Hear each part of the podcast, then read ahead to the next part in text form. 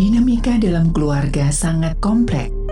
Kematian, adiksi, keuangan, penyakit mental, perceraian, masalah pendidikan, masalah wanita dan peran ayah, gaya hidup, atau masalah yang timbul ketika terjadi transisi.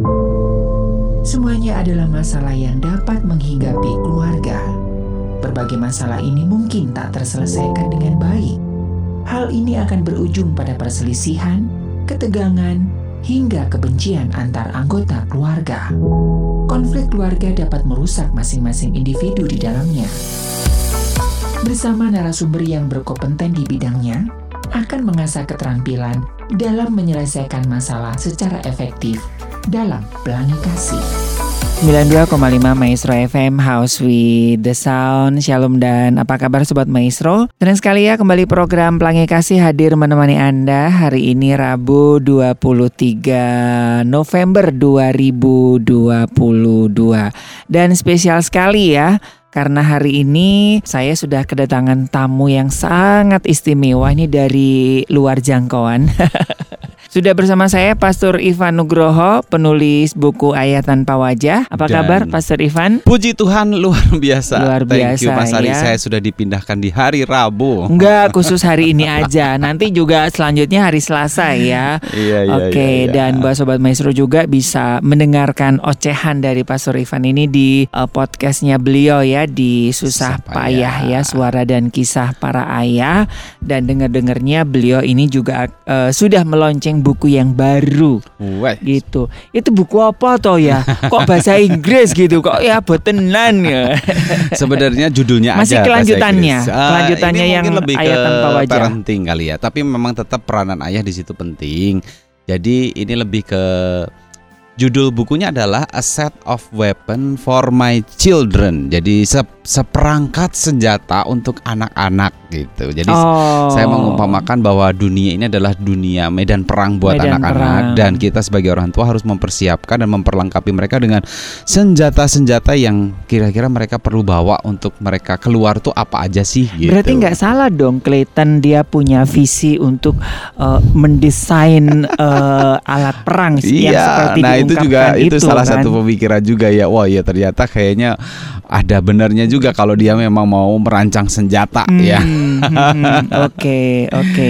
Tapi Iya, memang iya. itu masih apa namanya berkutat tentang ayah masih inline ya? juga, masih inline. Oke, Walaupun oke. tidak hanya buat ayah, buat para ibu juga dong tentunya Hmm, ya. hmm, Karena kan hmm, hmm. yang memperlengkapi bukan hanya ayah, Ayah, tapi betul. ayah tetap punya peranan penting di situ sebagai pemimpin. Oke, Hmm. oke. Nah, eh, hari ini kita akan ngobrol apa nih, Pak Nah, Surifan? Hari ini kita mau ngobrolin tentang eh, sebenarnya berhubungan dengan pengenalan kita akan eh, source sumber. Hmm, Sebagai seorang hmm, ayah kita hmm. harus banget ya nempel ke sumber gitu ya. Oh. Jadi eh, saya kasih judulnya adalah Bapak yang mengenal Bapak. Nah, Bapak yang mengenal Bapak ya, Pak eh, Bapak, ya, yes. Bapak Bapak yang pakai K, mengenal Bapak. yang mengenal Bapak tanpa K Mhm, gitu ya. Betul. Oh ya, ini sebelum lupa ya, Eh, saya nih sebetulnya sudah benar nggak sih nyebut diri anda pastor gitu kan? Soalnya ada Mas Hari pastor tapi kok menikah,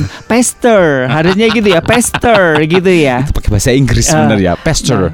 pastor, pastor gitu ya. Jadi Pastor. soalnya ada yang ada yang nanya, Mas Hari panggil Pastor Ivan tapi kok menikah gitu kan? Pastor ya, pastor. Atau gimana dong saya ngomongnya ayah. Ayah gitu aja, ayah aja ya, ayah, Ivan. gitu Betul. kan. tapi udah nggak enak ya. Oke, Bapak yang mengenal Bapak bap- yang Bapak mengenal yang Bapak. mengenal Bapak. Betul. Oke, ini maksudnya apa nih? Hmm, Jadi saya itu percaya bahwa dalam kehidupan kita itu ada yang namanya level ya. Mau Hmm. or- apa murid mau sekolah juga eh, mau apa namanya eh, dalam kehidupan mereka menjalani proses sekolahnya juga ada yang namanya level demi level yang harus mereka jalanin kan. Dari satu Oke, kelas 1, oke, kelas 2, oke, kelas 3. oke. Nah, eh, bahkan dalam kehidupan pernikahan kita sebagai suami istri itu ada level-levelnya juga pengenalan. Oh, gitu. Jadi eh, menurut saya juga sebagai seorang bapak Hmm, hmm. kita juga perlu mengenal Bapa di surga. Nah, itu tuh juga ada levelnya sebenarnya. Oke. Untuk menjadi bapak di rumah yang baik, Hmm, kita kan harus mencontoh Bapa di surga. Oke. Kita harus melihat nih Bapa di surga itu seperti apa supaya saya menjadi gambaran yang baik buat Hmm, anak-anak hmm, saya. hmm, Nah, hmm. masalahnya di dunia ini banyak sekali bapak yang belum mengenal Bapa di surga sehingga gambaran Oke. itu nggak jelas, identitasnya nggak jelas Hmm, hmm, hmm. dan akhirnya salah dalam memberikan teladan buat anak-anaknya Iya, iya, gitu. Iya, iya. Ini ada satu yang menarik ya Sobat Maestro ya Karena saya belum belum menikah ya Jadi tadi Pastor Ivan eh, Saya baru dengar ini ya ngomong ini ya Bahwa dalam sebuah pernikahan itu ada level Mhm. Emang beda gitu Pasti dong, karena namanya hubungan eh, Level-levelnya kayak gimana nih? pengenalan Nah, ini kan, Hmm, iya. Ini mungkin banyak Sobat Maestro yang mungkin nggak paham dengan hal ini ya Sehingga terjadi konflik Betul, betul, betul. Nah, apakah itu akan eh, ada ada ada part-partnya gitu atau levelnya itu kan kalau sekolah kan SD 6 SMP. tahun, SMP 3 tahun, SMA 3 tahun. Nah, Betul. kalau dalam eh, pengenalan suami istri, Iya. Apakah itu setiap keluarga berbeda level atau Eh, menurut saya semua hubungan itu punya level eh, level-level yang harus dilewati sama ya, kurang Sama. lebih standarnya sama lah ya. Dalam Oke. artian ini ini ini menurut pemikiran saya Mhm, dan mhm. sebenarnya ketika misalnya nanti diterapkan dalam hubungan suami istri pun apa yang saya sampaikan Hmm, itu ah, saya rasa sama. nggak Jadi beda jauh lah nggak beda ya. jauh gitu. Karena kan Mhm. kalau di dalam dunia pernikahan ada yang namanya tahap perkenalan. oh. Ada level yang ada namanya fase-fase itu kayaknya ya. Jadi, jadi jadi fase itulah yang menentukan Hmm. level hubungan sebenarnya begitu. Oh, Nah, oke. pengenalan kita sebagai seorang bapak di rumah itu juga eh, levelnya juga berbeda dong gitu ya. Nah, nanti eh, Hmm. ketika kita akhirnya bisa ada di eh, pa- peningkatan peningkat di dalam peningkatan peningkatan level itu, nah kita akan semakin dekat dengan Bapa di Oke, surga oke. dan gambaran buat anak-anak kita di rumah juga makin jelas begitu. Oke, dan ini kan juga semakin meminimalisir konflik ya. Kalau misalkan suami istri, oh iya ya. Tapi bukan ini bukan bukan buat bullying lo ya. Ah, dasar lo emang levelnya baru di situ bukan seperti itu.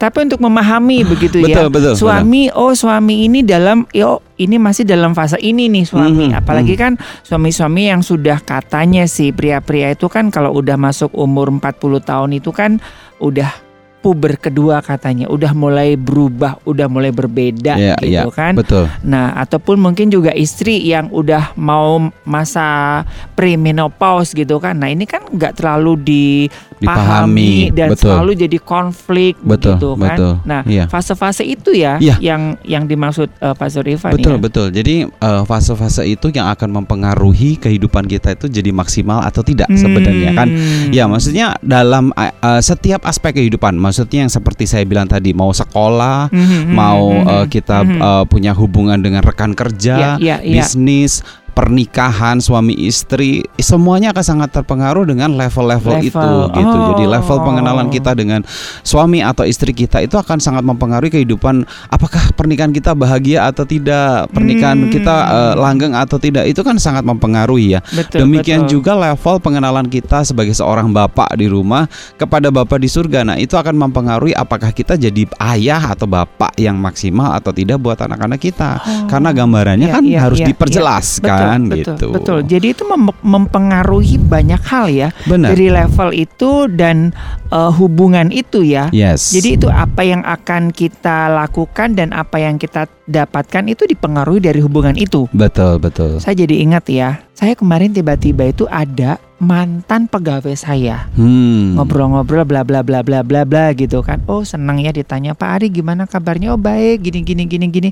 Ujung-ujungnya apa? Duit. Oh, Nah, Pak Ari, saya teh belum bayar kontrakan rumah Pak Ari gitu. Maaf ya saya langgan karena dia tahu saya orangnya seperti apa Iya, iya, gitu. iya, Dan iya. saya juga tahu dia seperti apa. Ah, wah. Jadi no problem, saya nggak nggak akan aja suuzon. Ah, lu hubungin gua karena ada maunya Mm-mm, gitu kan. mm-mm, Kan beda. Ujuk-ujuk saya baru kenal Pastor Ivan, Mhm. ayah Ivan, nggak kenal nggak sama Pastor Ivan boleh nggak saya pinjam duit 10 juta? gitu Iya iya iya Halo. iya iya, Nah, iya, betul jadi itu pengaruh, pengaruh itu ya. pengaruh Oke. pengaruh. Jadi jadi ya seperti saya bilang tadi ini juga bisa diterapkan dalam Hmm, kehidupan hmm, hmm. suami istri ya tentang pengenalan ini Hmm. karena ya eh, sekali lagi eh, saya rindu juga kehidupan kita se- dalam ber eh, pernikahan ini Iya, juga eh, pulih Hmm. pernikahan ini juga mengalami kebahagiaan Hmm. supaya ya anak-anak bisa melihat bahwa papa dan mama oke papa berfungsi dengan baik Hmm, hmm, hmm, apalagi hmm. kalau misalnya seorang bapak itu bisa mengenal bapak di surga dengan eh, apa ya dengan lebih dalam lagi Hmm. nah itu saya rasa pasti lebih maksimal lagi Jadi gitu. ini lebih banyak ngomong tentang relasi. betul Oke. connect koneksi dengan Ke bapak di surga. Oke. Nah, karena kan itu source itu source, itu sumber. Oh. Kalau kita nggak Nah. nempel sama Tuhan, ya Firman Tuhan juga bilang kan, kita ini uh, Bapak uh, Tuhan Yesus itu sama seperti tunas gitu ya, maksudnya Hmm, uh, hmm, batangnya hmm, gitu hmm, ya. hmm, hmm. Kemudian kita adalah ranting-rantingnya Ranting-rantingnya. gitu. Ya, Jadi Yohanes 14 ya. betul. 14 Jadi dan 15 kalau ya. kita nggak menempel pada ranting ya kita nggak akan berbuah. Padahal Hmm, sebenarnya hmm, hmm. kalau misalnya kita se- sebuah tanaman yang yang ranting yang menempel kepada uh, batang pohon, Hmm. sebenarnya nggak usah dipaksa untuk berbuah. Pasti berbuah karena itu alamiah Hmm, kan hmm, gitu. hmm. Ka- makanya kita perlu dulu kenal dulu siapa Tuhan dan menempel kepada Bapa di surga Hmm. gitu supaya kehidupan kita sebagai seorang ayah itu benar-benar berbuah di hadapan anak-anak kita dong gitu ya. Iya, iya, Maksudnya iya. memperlihatkan bahwa oh ternyata bapak saya itu seperti ini, oh ternyata bapak saya itu luar biasa. Oh Hmm, jadi hmm. anak-anak tuh benar-benar mengagumi. Nah itu salah satu buah kan. Anak-anak Hmm, itu hmm, betah di rumah itu salah satu buah juga. Ya, ya. Eh, anak-anak itu benar-benar bisa mencurahkan isi hatinya itu juga buah gitu. Mhm, mhm. Nah, makanya kita mau jadi ayah, bapak-bapak yang berbuah karena kita mengenal, Bapa Mengenal. di surga. Oke. gitu. Nah, Ini yang sering kali eh, disalah tafsirkan ya sobat maestro ya karena lebih banyak ibu-ibu ya yang nemplok nempel dengan bapak begitu ya. iya.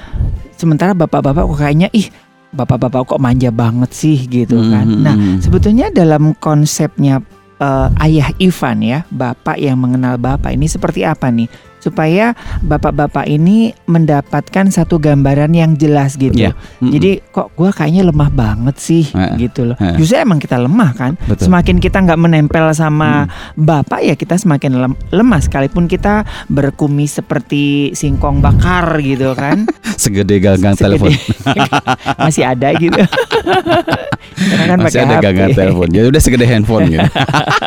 Aku kasih ilustrasi dulu ya, Bro Mhm, Ari ya. mhm. Eh, ingat gak dulu kita di sekolah Alkitab kan ada yang namanya kerja bakti. Terus Hmm. aku tuh dapat giliran nih kerja bakti di dapur. Nah, dulu Ya. sebelum kerja di bakti di dapur eh Ngurus jam Bruno. ngu- bukan kosek toilet WC. Ah. Nggak maksudnya sebelum kerja di dapur itu se- sempat ada rumor kan. Ih, kamu hati-hati loh kalau kerja di dapur. Oh, Ibu ih, dapur itu galak, bener kan? Mm-mm. Apalagi yang Galak. kurus-kurus itu ya, galak, cerewet. Waduh. kita Gitu jadi ya. ngegibah dong. Mm-mm. Nah, tapi eh, waktu Tapi panjang umur loh itu.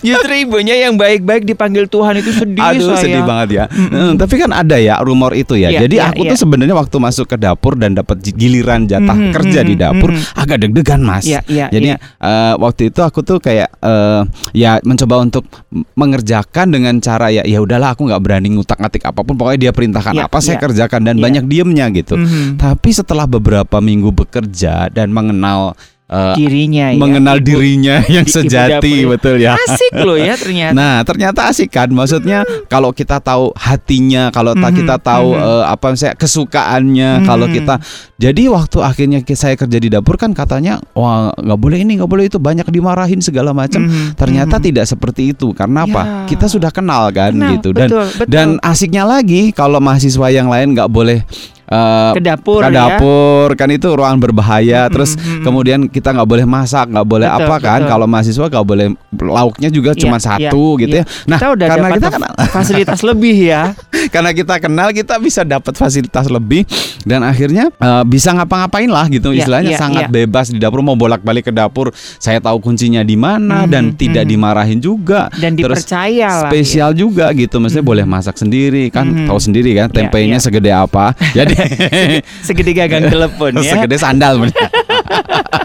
Jadi saya bilang, Bu, saya boleh masak sendiri. Saya tipisin tempenya supaya lebih kelihatan Lebih enak garing gitu gitu kan, ya. lebih garing gitu. Hmm, Dan hmm. artinya gini, ketika kita mengenal seseorang lebih dalam, itu tuh kita dapat reward dan source-nya itu nggak akan pernah berhenti nggak sih? Yes. Nih, Oke, gitu kan. oke, Jadi oke. sebenarnya ini yang saya mau bahas bahwa di setiap area apa pun maksudnya gini karena kita search kita Hmm, ini hmm, sumber hmm. bapak yang menjadi sumber dalam banyak hal ya bukan Hmm, hanya hmm, soal hmm. sumber pengetahuan sumber eh, apa hikmat sumber Iya, iya.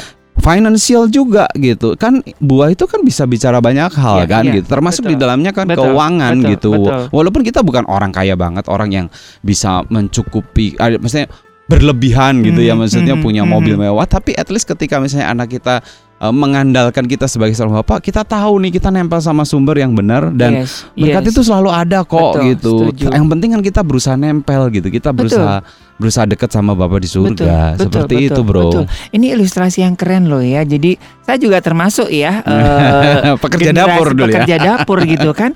Jadi kalaupun toh lagi makan gitu kan, kok ini si Ari belum muncul karena saya kan jarang makan Iya, ya karena iya. udara dingin gitu. Terus kalau lagi makan enak gitu, udah udah saya siapin tuh di dapur di belakang, udah Nah, betul jangan banget, ambil betul, gitu kan. betul. Terus kalau "Us, nanti aja jangan pulang dulu gitu kan. Jadi kita kan sambil beberes gitu kan. Iya, Ternyata iya, iya, iya. eh, kita nggak minta pun si- Dikasih. si, ibu dapur ini sudah karena udah tahu gitu Betul. karena ya udah menempel gitu Iya loh. iya. Ini kan klasik ya Mas eh, Yes. Mas Bro. Eh, apa ya namanya? Kayak ya sebenarnya kalau ini Pak sering banget dikhotbahkan oleh banyak pendeta bahwa ketika kita mengenal Tuhan, Tuhan sediakan semuanya. Bahkan Yes. kita nggak minta gitu, lebih Iya, dari apa iya. yang kita pikirkan, lebih dari apa yang gitu. Cuman kadang-kadang para laki-laki atau para bapak di rumah ini tuh nggak pernah mempraktekkan karena entah mereka tidak tahu, entah mereka tidak sadar Hmm, hmm, bahwa hmm. dirimu sangat boleh dekat dengan Bapa di surga gitu Hmm. dan sangat punya akses dengan Bapa di surga bahkan mungkin Tuhan nyari kita gitu sebagai Iya, Bapa iya, di iya, ru- Bapa betul. di rumah untuk deket sama Bapa di surga gitu. Nah, Mhm, makanya mhm, Bro aku setuju banget dengan Bro Ari waktu tadi dibilang bahwa selama ini tuh kayaknya ibu-ibu yang terlalu eh, ya selalu yang lebih unggul Iya, dalam hal rohani ya. iya, Kalau iya. misalnya begini persekutuan doa yang datang ibu-ibu. Mhm, Eh, nanti mhm. ada doa malam yang datang ibu-ibu Mhm, gitu. Ada mhm. ada ada KKR ibu-ibu lagi gitu. Nah, mhm. di mana bapak-bapak sebenarnya Iya, iya, gitu iya, kan. iya. Nah, itulah yang saya rindu, apa yang saya mau sharing ini menyadarkan bapak-bapak untuk yuk kita mau deket nih sama Bapak di surga punya koneksi yang lebih dalam dengan Bapak di surga, menempel lebih lekat dengan Bapak di surga Hmm. supaya sumber itu nyata gitu dalam kehidupan Hmm. kita. Hmm. Jadi nggak usah takut gitu untuk kekurangan banyak hal dalam hidup kita gitu Oke, sebagai seorang oke, bapak di rumah. Oke, nah apa untungnya, Iya. Pastor Ivan? Mhm, betul. Aku tuh dapat satu hikmat yang luar biasa dari istriku. Hmm. Jadi ini Oh tuh iya sebentar, ini Pastor Ivan ini Happy birthday to you, Happy birthday terima to kasih. you. Aduh. Sudah Kok tua. aneh sih November gitu kan nggak ada novi-novinya gitu namanya. Aku no Ivan. Oh, nggak bisa aja. Aku pas buka eh, apa namanya Instagram loh. Kok happy birthday Eh. Lagi di tembok ratapan lagi. Apakah Sedang Anda menangisi. meratapi? Oke. Oke, jadi saya dapat hikmat dari istri saya. Eh, Hmm. Kira-kira dua tahun yang lalu, istri saya tuh ngomong gini sama saya. "Eh, sayang, saya itu nggak bahagia loh menikah sama kamu. Oh ya. Kaget aku, Mhm. kan aku pendeta ya. Aku Iya, merasa iya, iya. sangat down, eh, bukan sangat down, terintimidasi gitu. Salahku apa gitu. Tapi istriku bilang gini, tapi sebenarnya aku sudah menemukan jawabannya kenapa aku nggak bahagia gitu. Oke. Jadi eh, istriku bilang gini, itu karena saya terlalu eh, dia bilang gini, saya mengandalkan eng- kamu Hmm. untuk menjadi sumber kebahagiaan. Oh. Nah, see. Ya, sekarang saya udah tahu jawabannya bahwa sumber kebahagiaan itu adalah ketika saya menempel dengan Bapa di surga katanya. Hmm. Ketika saya mengandalkan Tuhan Iya, sebagai iya, sumber iya, iya. kebahagiaan saya. Jadi saya nggak boleh menuntut kamu untuk membahagiakan saya. Wow. Karena bagaimanapun juga kamu manusia. Wih, bagus Wow. banget ya Isma. Waktu saya dapat hikmat ini, wow, istriku luar biasa ya. Karena Istriku memang luar biasa.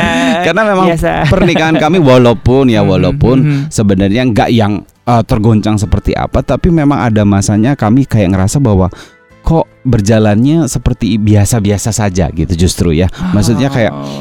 Plain, nggak ada Mhm, nggak ada mhm. apa-apa Nggak yang ah, nggak gitu riak, ya, ada riak-riak Mhm, gitu yang mhm. yang dulunya kan wah berapi-api gitu kan.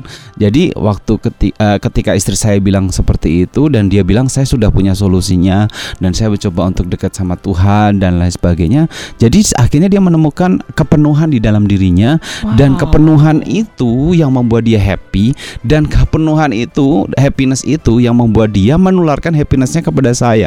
Jadi ketika di kita penuh kan meluap-luap. Ya, ya, Jadi kita ya, transferkan kan gitu. Jadi kebayang nggak Hmm. waktu istri saya bilang seperti itu tuh. Jadi dia nggak nggak lagi ngomel ketika misalnya wah kamu mah enak, kamu mah gini. Jadi Hmm, nggak ada hmm, tuntutan-tuntutan. hmm, Kamu hmm. tuh harusnya begini buat saya. Kamu harus berubah. Nggak ada lagi, nggak ada lagi beneran. Oke, Jadi oke. akhirnya kami uh, dan itu nular ke saya. Jadi saya juga nggak pernah menuntut kepada istri Hmm. saya gitu untuk kamu harus berubah ya, kamu harus begini ya gitu. Dan cara komunikasi kami tuh akhirnya berubah total gitu. Jadi iya, iya. eh, mung- hal kecil aja ya, hal kecil ya. Misalnya kayak kalau pagi-pagi tuh di toilet eh, kalau di toilet kami di atas eh, istri saya tuh dulu suka teriak-teriak, "Siapa sih yang habis pipis nih? Hmm. Kok kuning-kuning bercak-bercak Mhm, di mhm, biasa kan. mhm, Yang cowok cuman saya sama anak saya yang paling pertama. Iya. Ya antara dia dan saya Mhm, gitu kan. mhm. Wah, nanti dia lapin sambil ngomel-ngomel gitu ya. Mungkin berharap next time kamu berubah dong. Mhm, Kalau misalnya mhm. eh, apa namanya eh, pipis lapin dong gitu kan. Nah,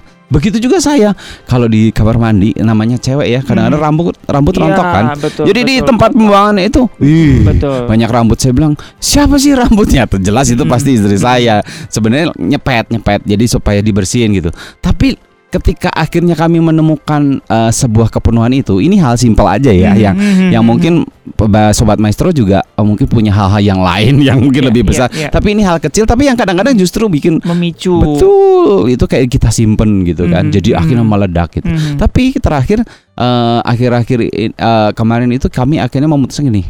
Saya juga punya pemikiran ketika misalnya saya ngeliat ada rambut di situ, saya akan berpikir gini, kenapa bukan saya aja yang membersihkan?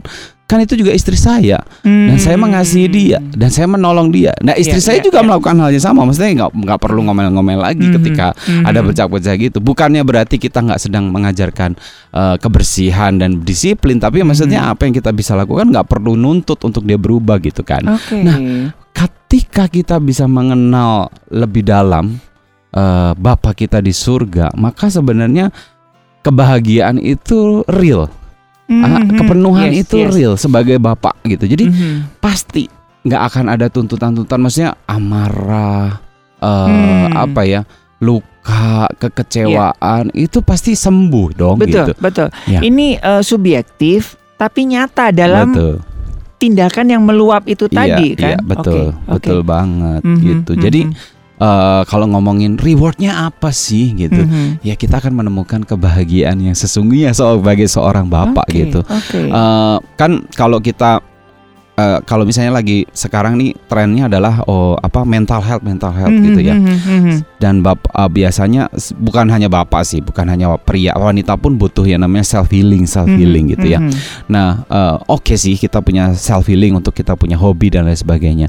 Tapi self healing itu sifatnya hanya sementara. Kebayang kalau misalnya kita menempel dengan Bapa di surga, Oke. wah itu self healingnya gila-gilaan sih. Oke. Nah, ini ini satu pertanyaan yang agak menonjok. Menempel yang seperti apa nih Pastor Ivan? ya. Nah ini yang akan saya Ayo. jelaskan ya. Iya kan? Ya ini kan So- level ya Soalnya kan saya mendampingi ada beberapa, tidak sedikit. level. Mm-mm. Kalau saya bilang banyak juga terlalu lebay. Mm. Orang yang aduh dari pagi sampai malam juga di gereja Hmm. pelayanan. Tapi aduh. ketika ada masalah pokoknya gua mau cerai. Oke. Cerai kan nggak boleh. Iya. Wah. Gitu kan. Betul, gua betul. ngerti. Doa dia buat alibi-alibi. Saya pikir ini yang nggak menempel istrinya atau suaminya Hmm. atau dua-duanya nggak menempel Iya begitu. betul. Ini saya ngomongi konteks coba yang agak ekstrim. Mm-mm, gitu mm-mm, kan? Mm-mm. Menempel yang seperti apa Pak Surivan? Iya iya. Aku sangat diberkati kemarin kan aku lagi habis dari Israel ya. Mhm, mhm. Jadi ada satu tempat yang menurut aku itu salah satu favorit aku. Sampai aku Mhm. ketika ada di tempat itu tuh aku nangis Di mana itu? banget. Di, namanya di Taman Getsemani. Bukan. saya waktu itu lagi nyanyi lagu Tuhan adalah gembalaku di lembah Oh, kekelaman, lembah ke- oh, the valley of death Mhm, ya. mhm, mhm. Jadi eh, di situ saya membayangin gini, Daud itu ketika nulis Mazmur 23 dia nggak asal nulis. Itu udah Tapi- direnovasi nggak? Soalnya Oh. ini kan ada beberapa Iya, iya, versi iya, kan. iya, iya, heeh. Tapi ini yang benar-benar yang, eh, kayak yang lembah yang lembah, yang, heeh, yang habis itu ya. betul. Oke oke. Nah, bagus banget, tapi gersang banget dan Mhm, ada mhm. beberapa oasis ya. Saya kan memang dikasih tahu bahwa ketika seorang gembala ada di dalam lembah kekelaman, bahayanya adalah di situ ada penyamun-penyamun Yes. gitu dan mungkin juga kita bisa kekurangan air, kedinginan dan Mhm, sebagainya. mhm. Dan eh, saya ngebayangin Daud, wow, dia benar-benar menjaga domba dan Daud itu bisa mengenal Tuhan sampai di titik gini. eh, even di dalam lembah kekelaman, aku nggak takut bahaya, sebab Hmm. Engkau beserta aku. Nah, nempel yang seperti itu, yang yang saya maksud levelnya nanti ya. Hmm, Maksudnya hmm, nanti saya hmm. jelasin level-level Mhm, apa saja yang mhm. harus kita lewati. Tapi jadi seorang bapak di rumah gitu ya, eh, untuk mencapai eh, level yang seperti apa ya? Level yang ketika misalnya engkau ada di dalam masalah pun, kau nggak komplain, Hmm. tapi justru menjadikan masalah itu sebagai sesuatu yang oh sepertinya Tuhan mau saya belajar sesuatu. Sepertinya Hmm, Tuhan hmm, mau untuk hmm, saya hmm. memperbesar kapasitas saya, Hmm. bukan jadikan orang lain jadi victim, jadi korban. jadi "Hah, korban gitu. Wow ini gara-gara kamu Hmm, ini. hmm, Nah hmm, hmm. pengenalan kita kepada Tuhan itu harus sampai di titik itu sebagai Wow. seorang bapak di rumah. itu mah udah tingkat dewa itu Iya. ya. Oke, nah Iya. nempelnya yang tadi Pak Surifan sampaikan ada beberapa Hmm. fase atau beberapa level. Iya. Boleh langsung? Boleh, boleh. Yang pertama adalah level perjumpaan agama. Jadi eh, Hmm. sebagai seorang bapak ya kita kan pasti dilihat anak-anak ya. Maksudnya Mhm. eh, oh kita dulu saya tuh eh, lahir ceprot juga udah Kristen. Ya. Tapi bukan berarti saya sudah langsung mengenal Yesus Mhm. sebagai Tuhan. Mhm. Tapi papa saya pernah cerita tentang Kasihan ya dia lahirnya ceprot ya. Bukan lahirnya oe tapi ceprot gitu ya. Makasih bro sudah mengingatkan. Penting ya. Ceprot itu kan jatuh pecah itu ceprot gitu. Makanya jadinya kayak gini. nah, eh, saya nggak nggak serta merta gitu ya. Tiba-tiba Mhm, mhm. langsung kenal Tuhan, Iya, kenal Bapa iya. di surga gitu. Saya tentu eh, butuh proses kan untuk. Nah ini Mhm, namanya mhm. perjumpaan agama. Artinya eh, ini baru level yang sangat awal ya. Nah sebagai seorang bapak di rumah, jangan kita ada di level ini aja dong. Maksudnya. Kasarannya hanya KTP gitu Mm-mm, aja lah gitu karena ya. kita butuh, mungkin, karena mungkin, kita. mungkin Pastor Ivan agak nggak enak ngomongnya biar saya aja bilang ya. Hanya Kristen Makasih, KTP pengenalnya hanya KTP gitu makasih. kan hanya agama agamanya apa? Karisten gitu kan.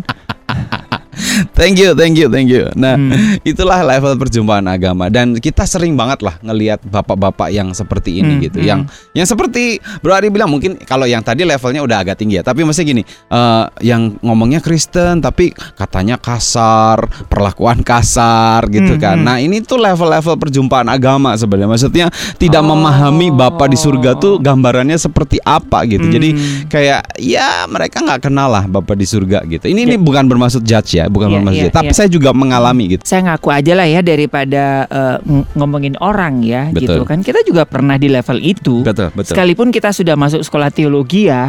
Nah level ini kan berbahaya banget buat anak-anak kita karena Hmm, hmm, ada sebuah penelitian katanya di tahun Iya. 2022 se- saya juga belum tahu siapa yang meneliti tapi ada katanya penelitian yang eh, riset mengatakan bahwa 70% pelajar sekolah menengah hmm. Eh, menengah atas ya SMA tidak lagi datang ke gereja setelah meninggalkan rumah orang tua mereka. Yes. Berarti level pengenalan mereka akan Tuhan tuh sebenarnya sangat dipengaruhi juga kan sama-sama bapaknya di rumah Mhm, gitu kan. mhm, Jadi mhm. Eh, dan dia juga mungkin tidak mengalami perju- apa ya istilahnya pengenalan akan Tuhan, pengenalan akan Bapa di surga secara pribadi Yes. gitu. Jadi eh, jangan sampai nih bapak-bapak di rumah mengenal Bapak kita di surga hanya sampai level sebatas agama Hmm. doang gitu. Karena sebenarnya kekristenan kan banyak orang yang bilang kekristenan itu bukan agama kan. Iya, kekristenan iya. itu lebih ke pengenalan akan Tuhan gitu, perjumpaan Hmm. pribadi dengan Yesus gitu. Jadi betul. saya rindu banget setiap ayah bapak di rumah yuk naik level yuk gitu ya Hmm. jangan ada di level gini doang Oke, gitu Naik levelnya orang Kristen ya harus ke gereja. Udah Nah. titik hari Minggu ya harus ke gereja. Kenapa? Ya kan orang Kristen. Iya, Itu iya, naik iya. level dikit ya. Iya iya. dikit banget. Dikit. dikit banget. Atau sama ya rata-rata. kan ada kebanyakan orang yang bilang kok lu orang Kristen kok nggak nggak ke gereja sih Mhm, gitu kan mhm, mhm. so what gitu kan nggak diberkati loh Eh, gitu kan oh iya gitu kan Nah jangan sampai kita ada di level itu doang gitu Oke. ya. Kalaupun sekarang kita eh, ada di level ini dan menyadari bahwa oh jangan sampai kita Ya. ada di level itu doang, puji Tuhan ya. Maksudnya Ya, ya. yuk kita naik Harus level upgrade, ya. sama-sama.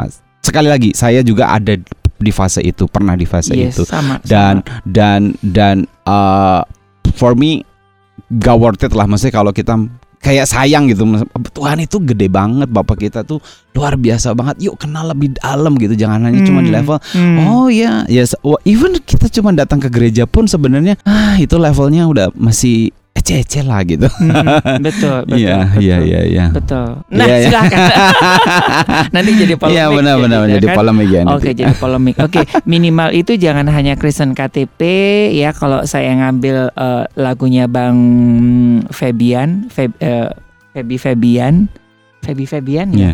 Febi Febian, Febi Febian gitu. Apa Rio Febian? Atau Rizky Febian nggak mungkin ya. Iya. Yang Kristen katanya itu loh. Ah, iya, iya, iya. katanya katanya gitu kan. Jadi hanya jangan hanya kulitnya doang lah. betul betul Oke, itu level pertama. Mm-mm. Le- Level kedua adalah perjumpaan pribadi. Nah, encounter. Hmm. Nah, Setiap bapak harus ada di level ini juga. Ini kan untuk transisi itu kan nggak mudah, Pak Betul. Surifan. Betul. Kan ada effort, ada pengorbanan, Betul. ada rasa nggak enak gitu kan. Mm. Cuma memang setiap bapak itu, maksudnya gini, saya saya berdoa supaya ketika bapak-bapak yang hari ini mendengar ini jadi turning point. Hmm. Sama seperti ketika seorang anak yang ada di perumpamaan anak yang hilang, Gila. Hmm. ketika ada di kandang babi, dia mulai nyadar bahwa oh ternyata gitu. Hmm. Nah, ini I hope ini jadi turning point Mhm. buat setiap Mhm. bapak. Oh, ternyata Mhm. saya kayak menyia-nyiakan hidup saya yang ada di Iya, kandang iya, babi iya, padahal iya. saya punya bapak yang Yes, kaya, yes, bapak betul. yang sumber gitu kan. Mhm. Nah, I hope ini jadi bisa jadi titik balik buat setiap bapak untuk menyadari bahwa eh, yes, kita perlu kenal Tuhan Yesus secara pribadi, Bapa Mhm, di surga mhm, secara mhm, pribadi nih gitu. Ya, eh, dan sebenarnya ini pun belum cukup ya karena Iya, saya iya, dulu iya. juga pernah mengalami eh, yang namanya jatuh cinta sama Tuhan untuk pertama kali gitu. Yang sampai dimarahin sama mama saya kamu Iya. nggak usah pulang aja sekalian rumahmu iya, tinggal di gereja aja gitu. Karena wah jatuh cinta banget ya. Maksudnya eh, I, I I I go to church tuh kayak bukan lagi sesuatu yang beban gitu. Maksudnya Mhm, mhm. ih ber- Mhm, ber- mhm. berapi-api gitu. Dan Mhm, ketika misalnya nanti one day eh, atau mungkin hari ini para bapak di rumah dan ketemu Tuhan Yesus secara pribadi yes aku berdoa amin bapak-bapak mengenal Tuhan secara pribadi bertemu dengan Tuhan secara pribadi gitu. Mhm, dan mhm. dan semua dan berdoa supaya setiap bapak-bapak boleh berapi-api gitu Mhm, melayani mhm, Tuhan melayani keluarga gitu mhm. kan jadi eh, ini justru jadi akan jadi pemicu kan buat Iya, buat kita iya. jadi lebih dalam lebih lebih Hmm, lebih hmm, pengen lagi hmm. mm, mem- melayani Tuhan gitu Mhm, mencintai Tuhan dan dengan mencintai Tuhan juga itu itu sumber untuk kita juga mencintai keluarga kita Iya. gitu Oke. tapi sekali lagi ini tidak cukup gitu Oke. karena sama seperti ketika dalam sebuah pernikahan Hmm. eh ini tuh fase bulan madu lah Iya. Cinta mula-mula gitu kan iya, aku juga iya. dulu jatuh cinta sama istriku apa pun ku lakukan ta apa eh, tai kucing rasa coklat padahal nggak enak juga ya tai kucing ya Ada, ada itu.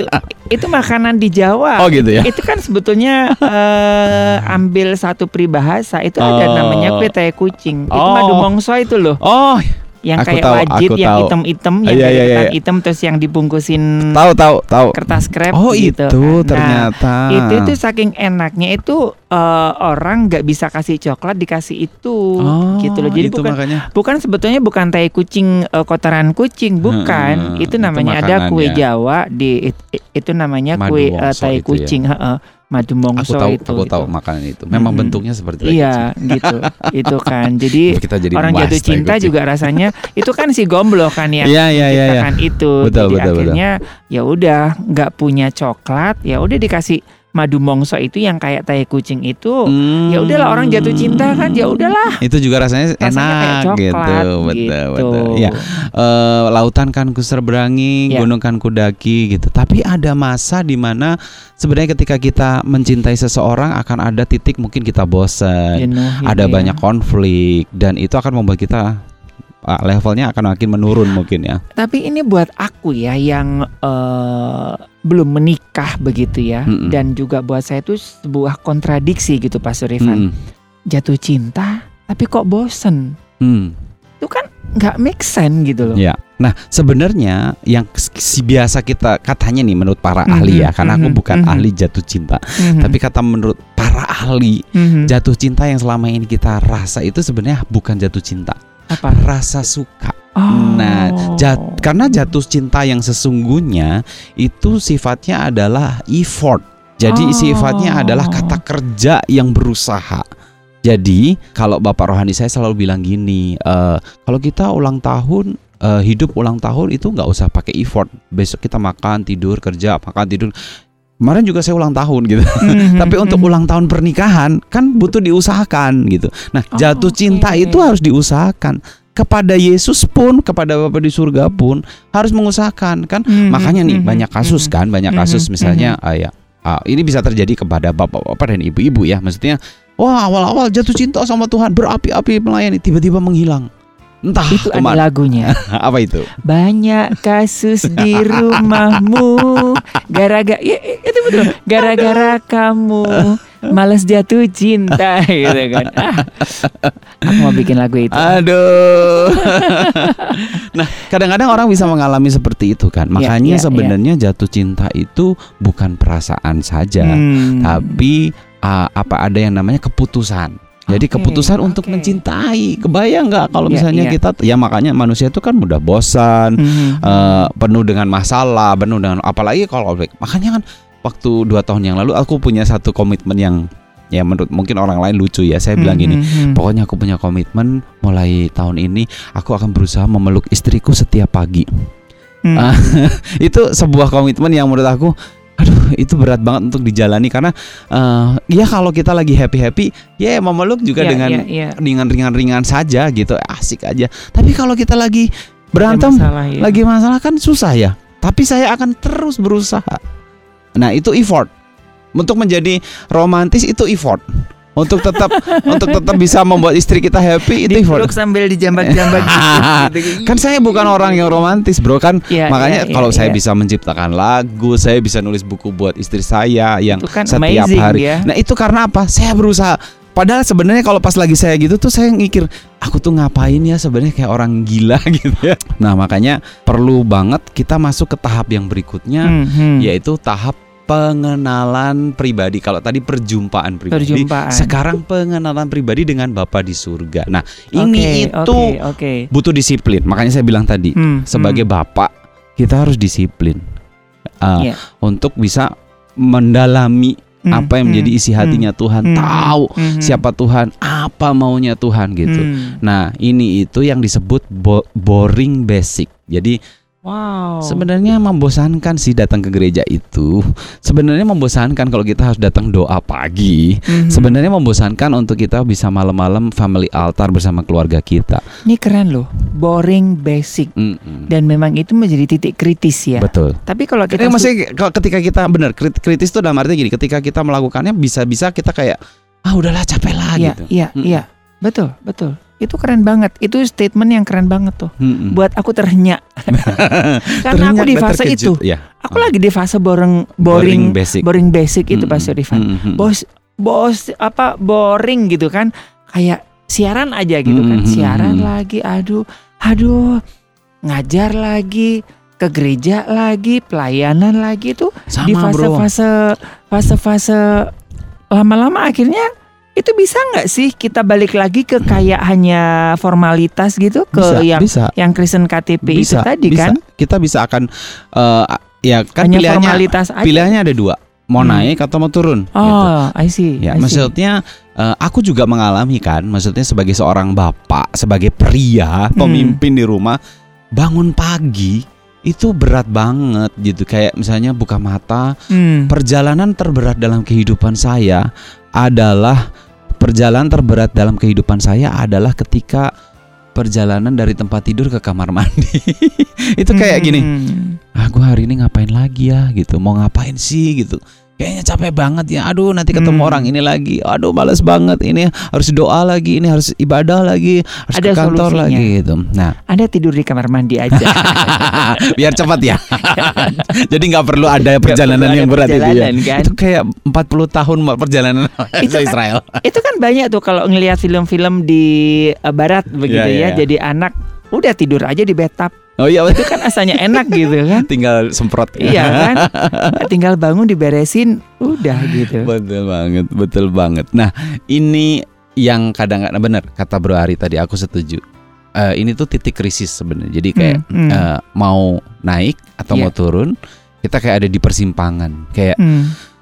capek banget ya sebenarnya untuk untuk bisa menghadapi hidup ini. Mendingan ya udahlah eh, kita nggak usah kenal-kenal Tuhan lah, kita nggak Mhm, usah gitu mhm, kan. mhm. Jadi back to normal aja, Atau which is ya biasa-biasa aja gitu biasa-biasa ya. aja Mhm, gitu. Jadi mhm. kalau biasa-biasa aja ya berarti kita nggak akan extraordinary dalam Yes, kehidupan yes, yes. kita sebagai seorang bapak gitu. Mhm, mhm. That's why jangan menyerah dengan boring basic kita karena Hmm. anak-anak kita sedang lihat gitu. Aku kemarin sampai terkejut ketika gini eh, sore-sore habis nganterin eh jemput anak Mhm. terus kan biasanya anakku belajar kan anakku Mhm. si Clayton itu yang luar biasa itu Ter- belajar terus biasanya tutup pintu gitu antara dia belajar atau dia lagi push up sit up dan lain Mhm, sebagainya mhm. itu kan biasa Jadi, ya udah eh, masa-masa udah, benar, udah. udah masa-masa kayaknya lucu banget pokoknya lagi dia ada yang diincer tuh kayaknya bentuk badan Eh, biasanya. bener banget udah, udah six pack Oh. Gak dedinya kalah dong gitu kan nah waktu aku buka pintu kamarnya aku kaget "Eh, ternyata dia lagi berdoa Nah, biasanya tuh dia berdoa tuh malam-malam Oh. gitu aku tuh sampai bilang kok dia lebih rohani dari aku Mhm, mhm, mhm. Aduh, tapi aku diberkati banget dengan kehidupan dia gitu. Sekali lagi bukan untuk menyombongkan diri, tapi ya itu kan sebenarnya keputusan buat dia Yes, untuk yes, untuk yes. berdoa atau tidak berdoa kan gitu. Tapi sekali lagi ini bukan untuk menyombongkan diri. Dia melihat soalnya gitu. Dia Hmm. dia menyaksikan bagaimana bapaknya di rumah melakukan itu Hmm, gitu hmm, kan. Hmm. Karena maka dari itu dia melakukannya juga gitu. Nah, ini kan boring basic juga sebenarnya Iya, buat iya, dia iya, juga. iya, Maksudnya iya. untuk untuk seorang remaja putra ya, Hmm. maksudnya untuk untuk ah, untuk doa yang cukup panjang dan dia doanya cukup panjang menurut aku gitu Hmm. untuk untuk anak teen gitu ya. Mhm. Wow, aku amazed sih gitu dengan boring basic dia yang dia lakukan pagi-pagi devotion, Mhm, nanti pulang mhm, masih doa mhm, lagi, mhm. malam doa lagi gitu Mhm, tuh mhm. sebenarnya dan eh, kadang-kadang ketika misalnya eh, dia ada di pelayanan di gereja, aku sampai bilang gini, Clay kamu nggak nggak capek gitu pelayanan lagi minggu depan misalnya dipercayakan enggak Dad, aku mau belajar sacrifice katanya. Wah. Wah itu kayak aku juga tertemplak, tertendang, tertampar sebagai seorang orang tua. terpelanting gitu kan. Eh, rasain Aduh, loh ya kata. Tuhan, Eh, eh, rasain lu loh ya. lihat gitu. anak lu ya lebih hebat gitu. Tapi justru itu kan juga ada satu ini ya, satu kebanggaan. Waduh, ternyata pengorbananku selama ini juga nggak sia-sia gitu kan Mas betul, Rifan ya. betul, betul. Jadi dia banget. satu sisi gitu kan. Iya. Jadi ditempelak tapi juga ada penghiburan kan Mm-mm. sebetulnya sebagai orang tua kan. Betul. Ya, eh, boring basic kan yang membantu kita untuk memagari kehidupan juga ya. Maksudnya dengan berdoa, Hmm. dengan dengan, Ya, dengan beribadah ya, ya, ya, gitu ya. kan. Maksudnya di masa-masa krisis seperti ini yang sulit, ya itu mungkin salah satu poin juga di buku saya. Apa yang kita bisa lakukan ya boring basic itu karena mungkin effort yang lain udah maksudnya Mhm, kita udah mhm, berusaha maksimal mhm, kerja, mhm, mhm. kita sudah berusaha untuk maksimal eh, apa namanya mencukupkan semua kebutuhan gitu dan berusaha untuk menabung, berusaha untuk Mhm, yang terbaik lah buat anak-anak mhm, kita mhm, gitu. mhm. Tapi kan kadang-kadang perlu faktor X juga ya Iya, untuk iya, untuk iya, bisa menjadi orang tua yang berhasil itu. gitu. Mhm, Maksudnya mem- mhm. membuat anak-anak kita juga mencapai titik tertentu tuh nggak hanya berdasarkan teori gitu. Oh kamu harus nabung, investasi untuk kuliah. Yes kita tahu gitu. Tapi Mhm, tetap mhm. ada yang namanya faktor X dan faktor X itulah yang yang kita sebut boring, bo- boring basic Boring ini basic. gitu ya. Misalnya kita Betul. berdoa menjagai mereka gitu Hmm, kan. Oke, ini setuju sekali ya.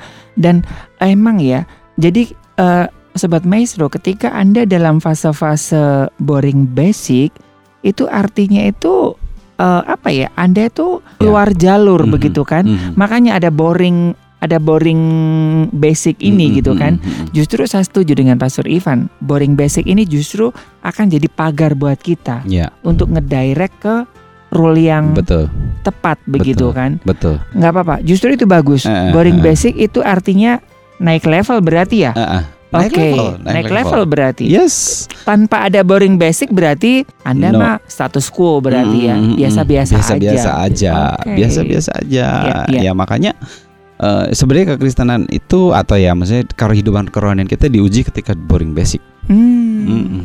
Dan kebanyakan orang, orang Kristen, ayah-ayah lebih nyaman yang di biasa-biasa Biasa-biasa aja. aja. Ya.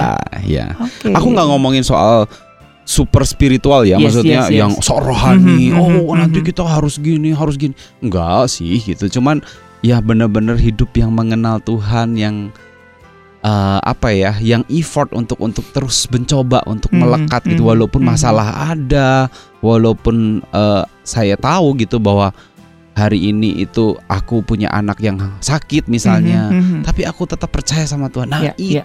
itu yang dicari sama anak-anak kita gitu. Mhm, mhm, Nah, itu mhm. keren banget sih. Oke, wah ini eh bukan sebuah kebetulan ya sobat maestro ya kalau mungkin hari ini tuh eh, mengakhir akan mengakhiri tahun 2022 begitu ya Pastor Ivan menyampaikan hal ini dan juga mungkin juga masa-masa yang udah boring banget begitu Ya. kan.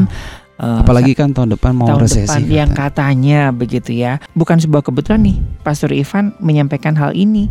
2023 tinggal selangkah lagi nih. Betul. Mungkin eh, ayah-ayah udah di fase boring basic, bertahanlah Betul. gitu. Hmm. Ih, gua merinding jadinya ya. Iya, karena memang semua orang eh, bilang 2023 akan banyak hal yang Kegelapan ya. Iya, tetapi dengan orang yang di boring basic dan tetap menempel, apa sih Ya. yang nggak bisa dilakukan oleh sang sumber itu? Benar, kan? benar, benar, benar.